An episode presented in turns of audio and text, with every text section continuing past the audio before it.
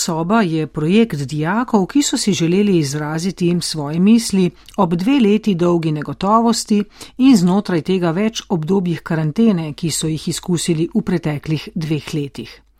Nekateri so se odsotnosti družbe vrstnikov, prireditev in družen ter pouka in študija nadaljavo še kar znašli. Večina poroča vsaj o osiromašenju življenja v pomembnem razvojnem obdobju, nekateri pa tudi o resnih težavah, v katere jih je pahnilo zaprtje in so se odrazili kot bolni odnosi z domačimi in tudi v obliki psiholoških in mentalnih stisk. Projekt Moja soba predstavljamo v oddaji med štirimi stenami, kjer gostimo pobudnico Elo Potočnik, dijakinjo četrtega letnika gimnazije Vič. Dobar dan, Ela Potočnik. Pozdravljeni. Dobrodošli v oddaji med štirimi stenami. Prav po naključju je vaš prispevek v publikaciji Moja soba um, naslovljen kot Kako smo se znašli med štirimi stenami. Kako ste se vi znašli med štirimi stenami ja. v zadnjih dveh letih in um, pol oziroma? V bistvu, če sem iskrena, precej kaotično. Um, začel se je z nekim, kako bi rekla, začudenjem, nismo zares videli, kaj se dogaja, kaj nas čaka. Na začetku smo bili še vsi ful presenečeni in veseli. Spomnim se, da smo na zadnji dan marca tistega zelo glasnega leta 2020 še ploskali v šoli, ko smo zvedeli, da se približuje karantena. Um, pričakovali smo, bilo je v bistvu kot prva svetovna vojna, ko so se vsi veselili, so mislili, da bodo do božiča že nazaj. Mi smo mislili, da gremo za en teden pač domov na počitnice in se vrnemo potem nazaj. In potem se je to zavleklo v dve leti karantene in nekega zmedenega, kaotičnega obdobja, kjer se je vršil vedno več agresije, vedno več nekih političnih pritiskov. Eh, mladi smo, da ne bom zdaj nepravična do nekaterih skupin, nekateri so pač v redu preživeli to obdobje, so mogoče imeli prostor za neko refleksijo, osebnostno rast, medtem ko smo slišali vedno več zgodb in še danes poslušamo o tem, kako se še vedno vršijo, uh, stopnjujejo neke stiske, kako mladi odhajajo na zaprte oddelke. Kako, imajo, kako se jim vlečajo neke stiske in problemi še iz časa karantene, ali pa mogoče še pred karanteno. Uh, in je karantena le te probleme samo še poglobila. Um, tako da, ja, mislim, da je bilo precej zmedeno obdobje, ki čigar vplivi se še zdaj poznajo. No. Vi ste verjeli, da je naslednjih 14 dni ključnih? Marca sem verjela, potem, ko smo šli pa naslednje leto zopet v karanteno, sem pa vedela, da je to. Mislim, poskušala sem verjeti, to je bilo neko moje to upanje, ta moj godo, ki sem ga vse čas pričakovala, ampak nikoli ni prišel. Uh, ampak ja, nekako sem se zavedala razumsko, da verjetno ne bo to držalo. O raztočih številkah psihičnih problemov med mladimi dijaki in študenti v času koronskega zaprtja izobraževalnih institucij in po njem eh, smo precej slišali iz ust strokovnjakov, vse so nam Eh, predstavili številkami, statistiko. Eh, številke nas že dolgo pustijo neprizadete, tako kot naslednjih 14 dni je ključnih. Naposlušali smo se jih še zlasti tiste, ki so bile brez konteksta. Eh, vi ste dali pobudo za zgodbe. Zgodbe dijakov in tudi študentov je nekaj med njimi. Zakaj se vam je zdelo to pomembno? Tako je, v bistvu, kot smo včeraj na uh, festivalu, moja soba projekt je namreč bil del festivala angažiranega pisanja, ki je pretekli vikend potekal na vodnikovi domačiji in tam smo ga, samo da naredim kratek uvod, predstavili člani novega dijaka. Um, in sicer izpostavili smo oziroma smo izrazili neko strinjanje s tem, da nas je mogoče res zmotilo, da se je um, problematika karantene in zaprtja šol obravnavala zgolj iz nekega vidika nekih pomembnežev, ki so modrovali o številkah, ki so modrovali o posledicah, o tem, da smo mladi apatični, da se redimo, da nimamo več volje do ničesar. Uh, noben pa ni zares na glas pregovoril o zgodbah, ki so se dogajale, o tem zaprtju, o mogoče psihofizičnem nasilju, o stiskah, ki so jih dijaki preživljali. V velikih družinah so takšne stvari, neki psihični problemi še vedno tabuji in jih družine poskušajo zakriti. Zato je bil v bistvu moj prvotni namen, da spregovorimo in um, s tem olajšamo pot nekaterim, ki so šli mogoče skozi iste kako bi rekla, travme, zgodbe in da jim povemo, nismo sami, da odpremo vrata naše sobe. 30 zgodb se je nabralo v nabiralniku z naslovom Moja soba. Tako je. In včeraj popovdne ste odlomke eh, zgodb doživeto prebrali štiri dijakinje v vodnikovi domačiji. Eh, publika je bila zavita v čisto tišino, do končnega gromkega aplauza. Se vam zdi, da ste dosegli svoj cilj? Ja, ne vem, to bi mogla publika povedati. ne, publika um, je povedala. Ja, ja mislim, da um, za me je cilj uh, pri ustvarjanju in pri takšnih projektih, da se ti ljudi dotakneš oziroma da se prepoznajo temu.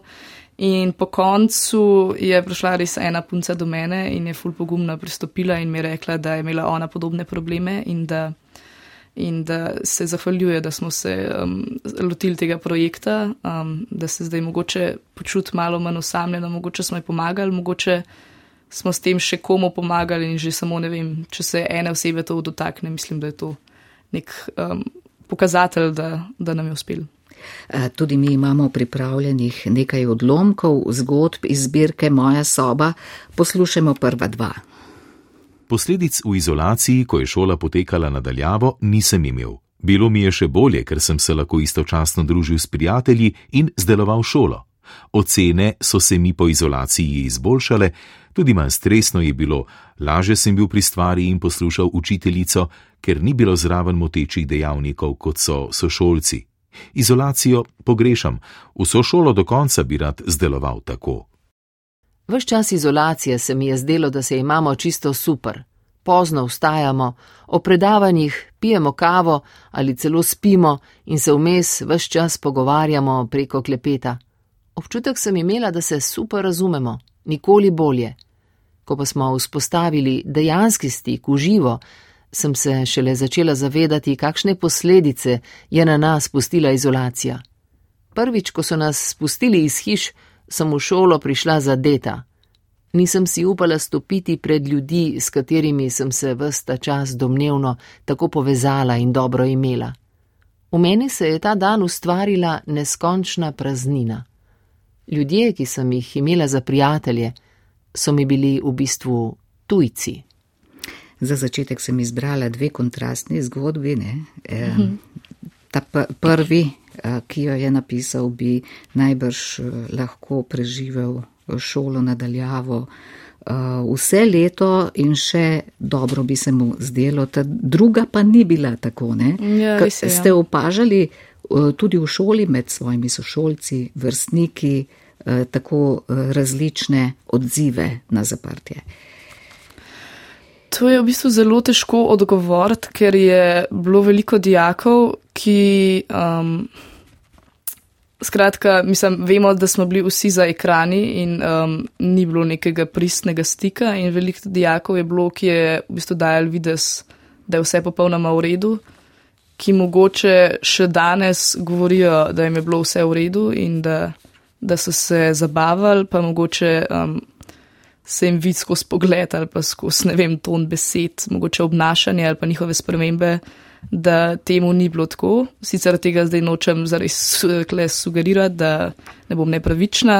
Um, ampak ja, mislim, definitivno smo um, doživljali karanteno na različne načine, to se mogoče tudi pozna pri stopni privilegiranosti, pač če je nekdo imel svojo sobo, v redu družinske razmere, če je imel vse potrebščine, ni bil v finančni stiski mu je verjetno to res predstavljalo nek mogoče oddih ali pa počitek od tega našega norega lifestyla.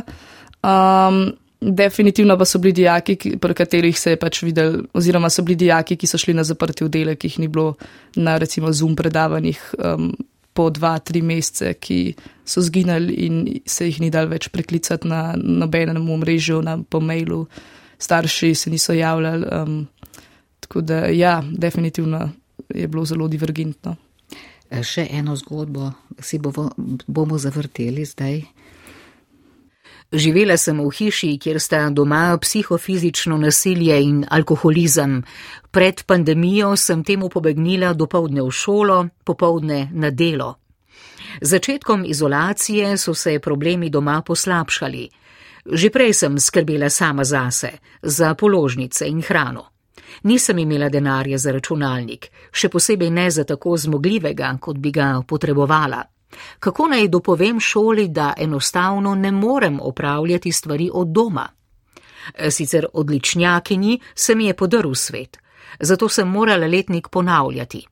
Še zdaj se ne morem pripraviti do zaključka diplome, saj mi je šolanje nadaljavo povzročilo hudo mentalno stisko. Poleg vsega moram še vračati štipendijo, saj tudi socialna služba ne razume tega problema. Pač moraš zgurat, drugače ti poberejo še to, za kar si krvavo delal. Tu smo videli zdaj to uh, socialno neenakost. Ja. Po eni strani ne, uh, niso imeli vsi računalnika. Zdelo se je, da smo naredili vse za to, da bi ga imeli, ampak študenti so bili kar pozabljeni, uh mhm. -huh. ker so odrasli najbrž. Ne? Ja, mislim, da je bila v mestu ena zgodba, ki prav razpira samo vprašanje te finančne problematike. Ali je bila študentka ali študent, ne vem, ki je rekel, da mu je v bistvu največjo stisko predstavljalo to, da ni imel mesečnega stalnega dohodka, da si ni mogel plačati bivanja. Zdaj pa mi tako vemo, da cene uh, nepremičnin naraščajo v nebo in da je to vse ja. večja stiska ne samo za čas korone, ampak tudi za navaden čas, ko smo mobilni in delamo. Ja, in nekateri tudi ljudje nasploh smo tako, da uh, raje govorimo o lepih stvarih, ki se nam ja, res dogajajo. Ja, to pa sploh. Stiske eh, pa uh, skrivamo, ne? Uh mhm. -huh. So bile tudi take zgodbe najvrš, ne? Ja, so bile, ja. Uh, recimo pri, v primeru, um, ko so recimo nekoga hospitalizirali, pa niti sorodniki niso vedeli za to. Ja, ja, točno to. Ja, sicer ne vem, ali ta zgodba se tudi nahaja not, uh, ampak ja, slišala sem za take zgodbe. No. Um, kot sem prej rekla, pač fi, um, psihični problemi so za nekatere pač predstavljajo še vedno tabu, še vedno je ljudem težko govoriti o tem. Mislim, se je razumevajoče, se so to res težke stvari.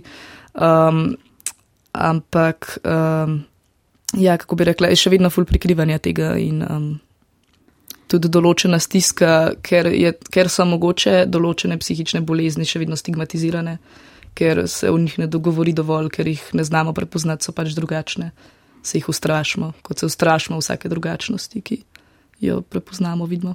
Pa tudi sicer uh, smo uh, v teh letih manj govorili, manj komunicirali med seboj, uh, kot da bi se odvadili tega. Uh, kako se to pozna, kako se je to poznalo, ko ste se vrnili uh, v šolo? Um, ja, definitivno. Um, mislim, da je pri mladih z tem porastom socialnih omrežij, čigar prvi namen ne bi bil ravno to, da bi se povezali z ljudmi različnih socialnih krogov, da to je bilo sicer zelo idealistično, da bi slišali vsa mnenja, da bi uh, ne vem, do koga vse imeli dostop, ampak smo se s tem v bistvu še bolj zaprli v te naše majhne socialne mehurčke in smo na nek način pozabili govoriti, bi jaz rekla. Pozabili smo se pogovarjati med sabo in pozabili smo na druženje in na to, da mi v bistvu mladi moramo delovati, oziroma te prijateljske grupe bi mogli delovati kot neka ekipa, da podpiramo drug drugega in um, poskrbimo, da noben ne ostane zadej. Zdaj pa mislim, da smo bolj opereni v nek, neko miselnost, da skrbi vsak najprej zase, za svoje probleme in smo vsi tako v bistvu poglobljeni vsako svoje težave, da sploh ne opazimo ljudi okrog nas.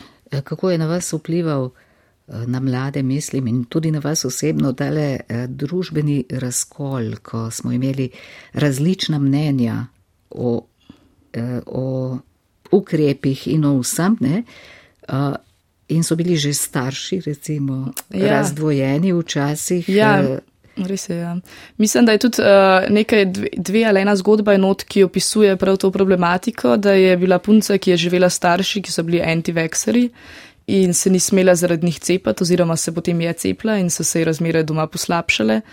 Um, jaz sicer nisem imela takih problemov, da potrkam doma, uh, sem imela pa z, mogoče z mojo družino neke druge razkole, uh, ideološke, politične, kako bi rekla. Definitivno um, se mi zdi, da smo bili v obdobju, ko je itak bila kriza in vedno, ko je kriza, pride do nekih ekstremnih idej, ki ponujajo najhitrejše možne rešitve in v kriznih situacijah smo pač pripravljeni na najhitrejše rešitve. Uh, in posledično pač pride do razkola ljudi in um, do polarizacije, ali kako bi rekla.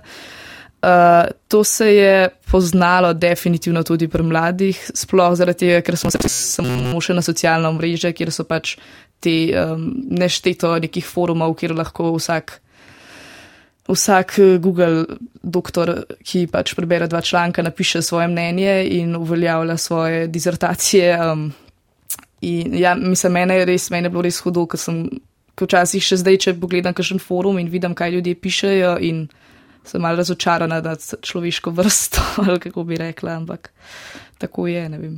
No, bile so pa seveda eh, tudi uh, dobre zgodbe, uh, takih, ki jim je uh, To pa tudi je. Zelo odgovarjajo zaprtje. Naslednja zgodba je taka. Prva karantena je močno vplivala name. Že pred njo sem imela težave z mentalnim zdravjem. Med karanteno pa sem se začela še bolj zapirati vase. In moja depresija se je zelo poslabšala. Alkohol in spanje sta bila zame pobeg pred resničnim svetom. Prespala sem večino pouka. In sama pila skoraj vsak dan. Stres zaradi šole me je spravil čez rob in poskusila sem narediti samomor. Pravočasno so me rešili in peljali na urgenco. Zatem sem bila v psihiatrični kliniki skoraj štiri mesece, a mi je uspelo narediti letnik. In zdaj nima več velikih težav z duševnim zdravjem. To zdaj ni bila tista zgodba, eh, ampak jo bomo tudi zavrteli. Um, zdravljenje na psihiatrični kliniki, ne, to je uh -huh. stigma, o tem ne bomo govorili in hkrati um, uh, prva misel mno, uh, mnogih ljudi, slišali smo to tudi v javnosti, tudi kakšen strokovnjak je recimo zašel na tole pot, uh, mladi so razvajeni. Ne. Ja, res je. Um, nekako niso razumeli, Eh, tistih, ki pa so res eh, slabo prenašali uh. -huh. to karanteno. Ja, se strinjam. Um, kako bi rekla, ja, um, mislim, da smo pred tem celem zaprti, oziroma se mi zdi, da je bila to ena taka rešitev, ki naj bi ponujala, oziroma ukrep, ki naj bi ponujal hitro rešitev, ampak smo pozabili, da je družba. Um, res neka kompleksna tvorba in um, da pozabili smo mogoče na posameznike, ki pač nimajo finančnih sredstev za šolanje nadaljavo, ki nimajo doma razmer. Mogoče za nekatere, ki so bivali v študentskih domovih, pa so jih potem nasilno izselili domov, pa se domov niso mogli vrniti zaradi različnih razlogov. Um, tako da ta mladi so razvajeni, se mi zdi, da je zelo um, nek tak površen um, razlog oziroma, kako bi rekla, utemeljitev, s katerim so počistili ja. vse, vse zgodbe in um, pore karantene. Ja, in če ne poznamo zgodb, eh, ne moremo biti občutljivi, zato je še posebej dobro, da ste eh, ta projekt zagnali. Ja, je, ja. Eh, najbrž pa tudi sami poznate resnične ljudi, ne? Ja, definitivno. Ne ja. le anonimne zgodbe. Recimo iz razreda. Ja, definitivno. Mislim, če priznam, vmes med pričevanjem je tudi moja zgodba, je zgodba moje, moje prijateljice iz Novega Dijaka. Mogoče je zgodba še od koga, ki ga poznam, pa me, mi ni povedal te zgodbe v živo. Uh, ampak ja, mislim, podobne zgodbe so se dogajale okrog mene, so se dogajale v sosedski, v mestu, v, na drugem koncu Slovenije. Um, verjetno tudi v drugih državah, kjer so imeli mogoče še bolj, eh, še strožje, kako bi rekla, ukrepe. Um, tako da ja, to je naša realnost, no ni. Neka ja, fikcija. Vemo, da je človek eh, družbeno bitje ja, in družabno, ampak da je življenje v družbi tako pomembno, pa si najbrž nismo znali predstavljati. Ne, ne nismo. mislim, da nas je mogoče to izučilo, da je to ena dodatna lekcija. Ja, sploh med mladimi, ki uh, nabirate izkušnje, ki živite, ki, za katere je vsak dan drugačen, nimate mm -hmm. še teh rutin. Ja. ja, mislim, sploh je problematika tukaj, ker smo mi v teh letih, da um, smo ravno prišli do nekih križišč, do nekih razpoti teh um, temeljnih vprašanj. Um, da recimo veliko ljudi je prišlo na dan svojo spolno usmerjenostjo, poznam veliko ljudi, ki so mogoče kam avtal kot um, trans osebe, pa jih doma niso sprejeli in so imeli recimo okolje, od katerega niso mogli pobegati, ker v normalnih časih bi lahko šli v šolo, bi lahko šli na pogovor k prijateljem, ki bi jih potolažili, ki bi jim rekli, da delajo prav, tako, da, tako so pa v bistvu ostali sami s sabo. In poznam ljudi, ki, ki so bili toliko zafrustrirani v. Um, temu, um, kako bi rekla, v teh prepirih starši, da so bili na koncu prepričani, oziroma v temu, kako bi rekla, neposlušanju ali pa ignoranci ostalih, da so bili sami zase prepričani, da ne rabijo pomoči, ker si je ne zaslužijo. In to se mi zdi res ne vem grozno. Na vse zadnje, um, mladost, um, dijaki in recimo študentje, to so ljudje, ki se tudi. Eh, upirajo staršem. Ja, je to normalno, ampak eh, seveda, ja, pravilno je če, če nekaj obje, počnejo zraven, če odhajajo od doma, je to lažje. Um, poglejmo zdaj, poslušajmo zdaj tisto zgodbo, ki nam je prej ušla, eh, da ne bomo šli v preveč temačne vode, pa še ena vesela. Bilo mi je super.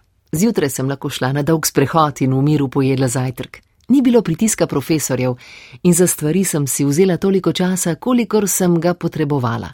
Imela sem tudi več prostega časa. Testi in ocenjevanja so bili lažji, ni se mi bilo treba urejati in se sekirati zaradi izgleda. Družila sem se z družino in preživela veliko več časa v naravi. To je v srečnih družinah, a ne? Ja, tako je. Ja. Niso pa vse pa najbrž je eh, to odgovarjalo tudi eh, vozačem, recimo tistim, ki se daleč vozijo v šolo. Ja, ja fulje bilo tudi takih zgodb, ki imajo problemov s prevozom ali nekaj. In... Mislim, uh, poslušala sem tudi ful zgodb po študentom, ki jim recimo ustreza, da so imeli nadaljavo, ker pač študijski urnik je lahko zelo kaotičen, imaš zelo razdrobljen in ustreza včasih, da pač ob desetih zvečer nisi na faksu, ampak doma, pa pa iz kavča poslušaš. Ja, pa eh, nekateri dijaki, ki so bili v dijaških domovih ali pa študenti v študentskih domovih, so bili veseli, ker so se lahko vrnili ja, v svoje domače hiše. Mhm. Ja, se strinjam, ja. nimam kaj zadudati. No, še dve zgodbi imamo, ki pa nista tako veseli. Vedno sem rad hodil v šolo in na faks. Ko se je začel čas korone, sem začetno dvotedensko šolanje nadaljavo sprejel zelo mirno, ker sem si končno lahko odpočil od vseh drugih stvari. Poznaje pa je z vsakim tednom postajalo huje. V drugem valu me sploh ni bilo več mogoče prepoznati. Nisem se strigal, nisem se bril, iz sobe sem odhajal samo še po hrano in na WC, pa še to bolj poredko. Vmes je bilo obdobje treh mesecev, ko sem komaj pojedel en obrok na dan shujšal sem za okrog 12 kg, pa sem že tako zelo suh. Vse mi je šlo na živce, v ekran nisem zmogel več buliti. Večkrat sem se zjokal, ker so me oči preveč bolele in enostavno nisem zdržal več. Rad pa bi pohvalil svoje profesorje. Vse skozi so bili v stiku z nami in nam študij prilagajali po svojih najboljših močeh. Izpite so modificirali ali pa jih popolnoma odstranili. Brez tega bi še zdaj ždel tam nekje v drugem letniku, zdaj se odpravljamo v četrtega. Če ne bi bilo njih, razumevajočih staršev in zlatih prijateljev, bi se v neki mračni usporedni realnosti lahko zgodilo, da bi vam to pisal nek popolnoma drug človek ali pa sploh nihče. Študij na daljavo je bil super osamljen, živim sama. Imam družino, partnerja, pa tudi prijatelja, ampak smo se zaradi ukinitve javnega prevoza in bolezni videli redko. Stik s sošolci sem izgubila. Nekaj mesecev po začetku sem med nosečnostjo izgubila svojega otroka. O nosečnosti se ni vedelo, ker smo bili za kamero in svojo stisko sem ostala sama. V času epidemije sem diplomirala junija leta 2021. Diplomo smo dobili po pošti. Občutek je bil, če sem čisto iskrena, precej beden. Mislim, da sem bila celo depresivna, nisem imela volje do ničesar. Do diplome sploh nisem šla na noben žur ali na kavo, nismo imeli produktivnih razprav, ničesar. Profesori so se trudili, ampak okoliščin res niso mogli premagati. Šele z letošnjim poletjem sem začela predelovati, ker sem potlačila vsem tem času in odprto govoriti tudi o svojem otroku. Hvala Bogu, da smo vsaj del študijskega leta lahko šli na faks, se socializirali in imeli priložnost vsaj malo izživeti študentski life. Ja, profesori, kako ste vi eh, sodelovali s profesori, dijaki? V šoli ste zadovoljni, so se vam prilagodili, so bili najbrž tudi oni v stiskah, glede na to, da so mnogi imajo majhne otroke, ki so jih morali doma poučevati. Ne? Ja, um, jaz bi načeloma, mislim, uh, profesori so včasih res, um, da, kako bi zdaj se izrazila, da ne bom uh, želiva, mogoče so vajeni bolj nekih tradicionalnih metod, niso veliko profesorjev iz nekih starejših generacij, ki sploh niso vajeni računalnikov, mogoče kome obvladajo e-mail.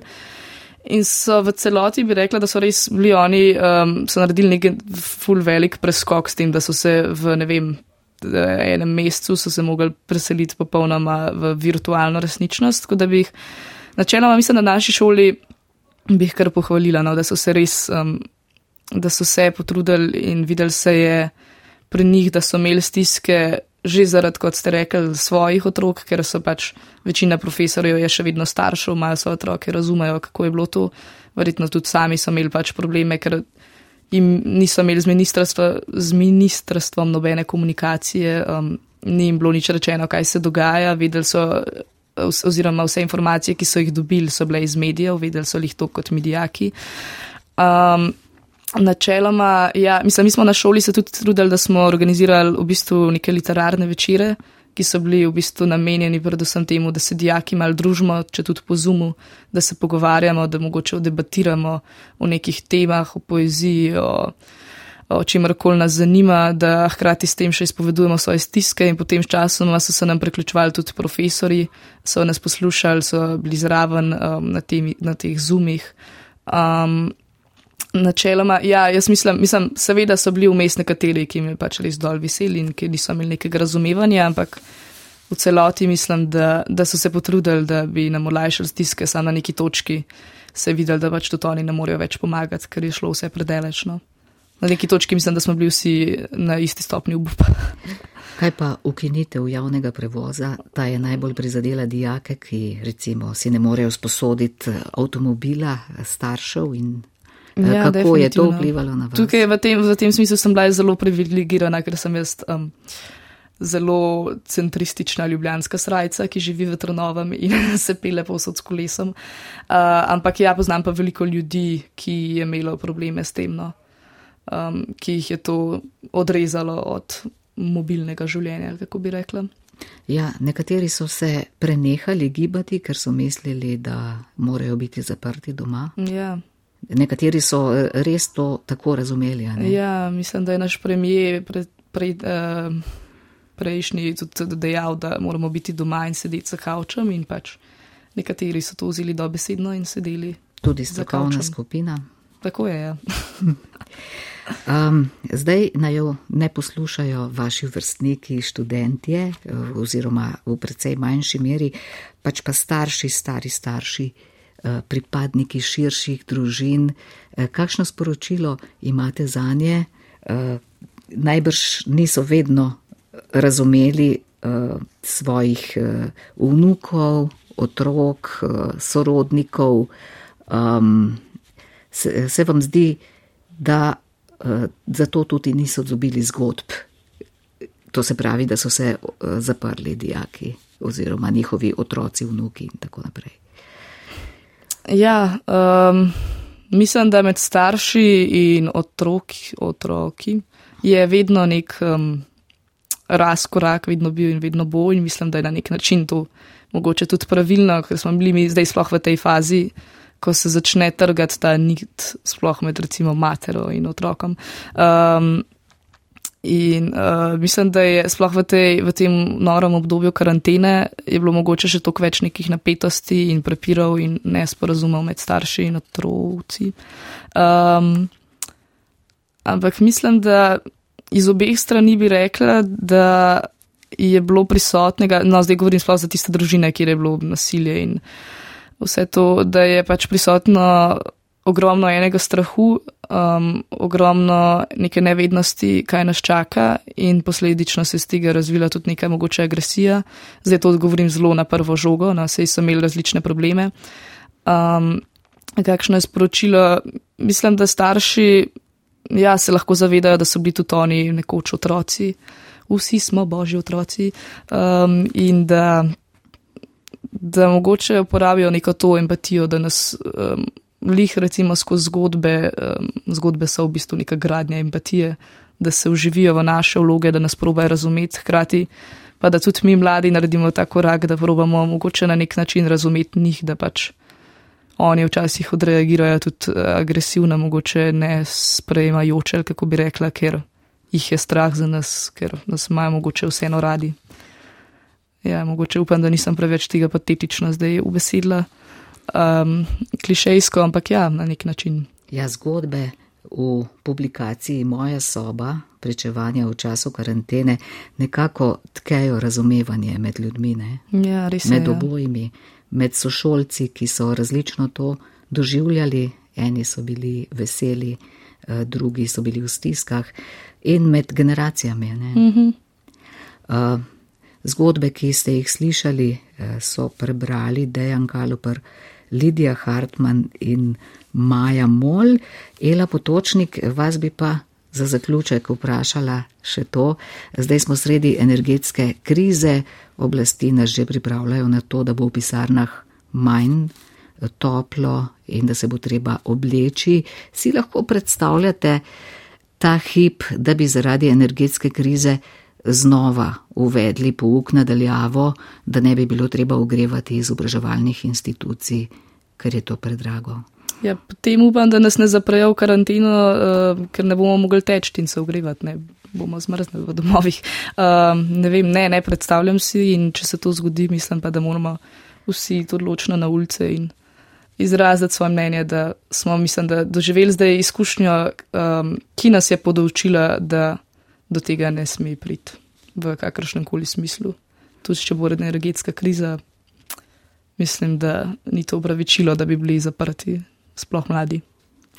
Ela Potočnik, hvala za to eh, tkanje razumevanja med generacijami in med ljudmi. Malenkost. Hvala za zgodbe uh, in hvala za obisk vodaj med štirimi stenami. Ja, hvala vam za povabilo.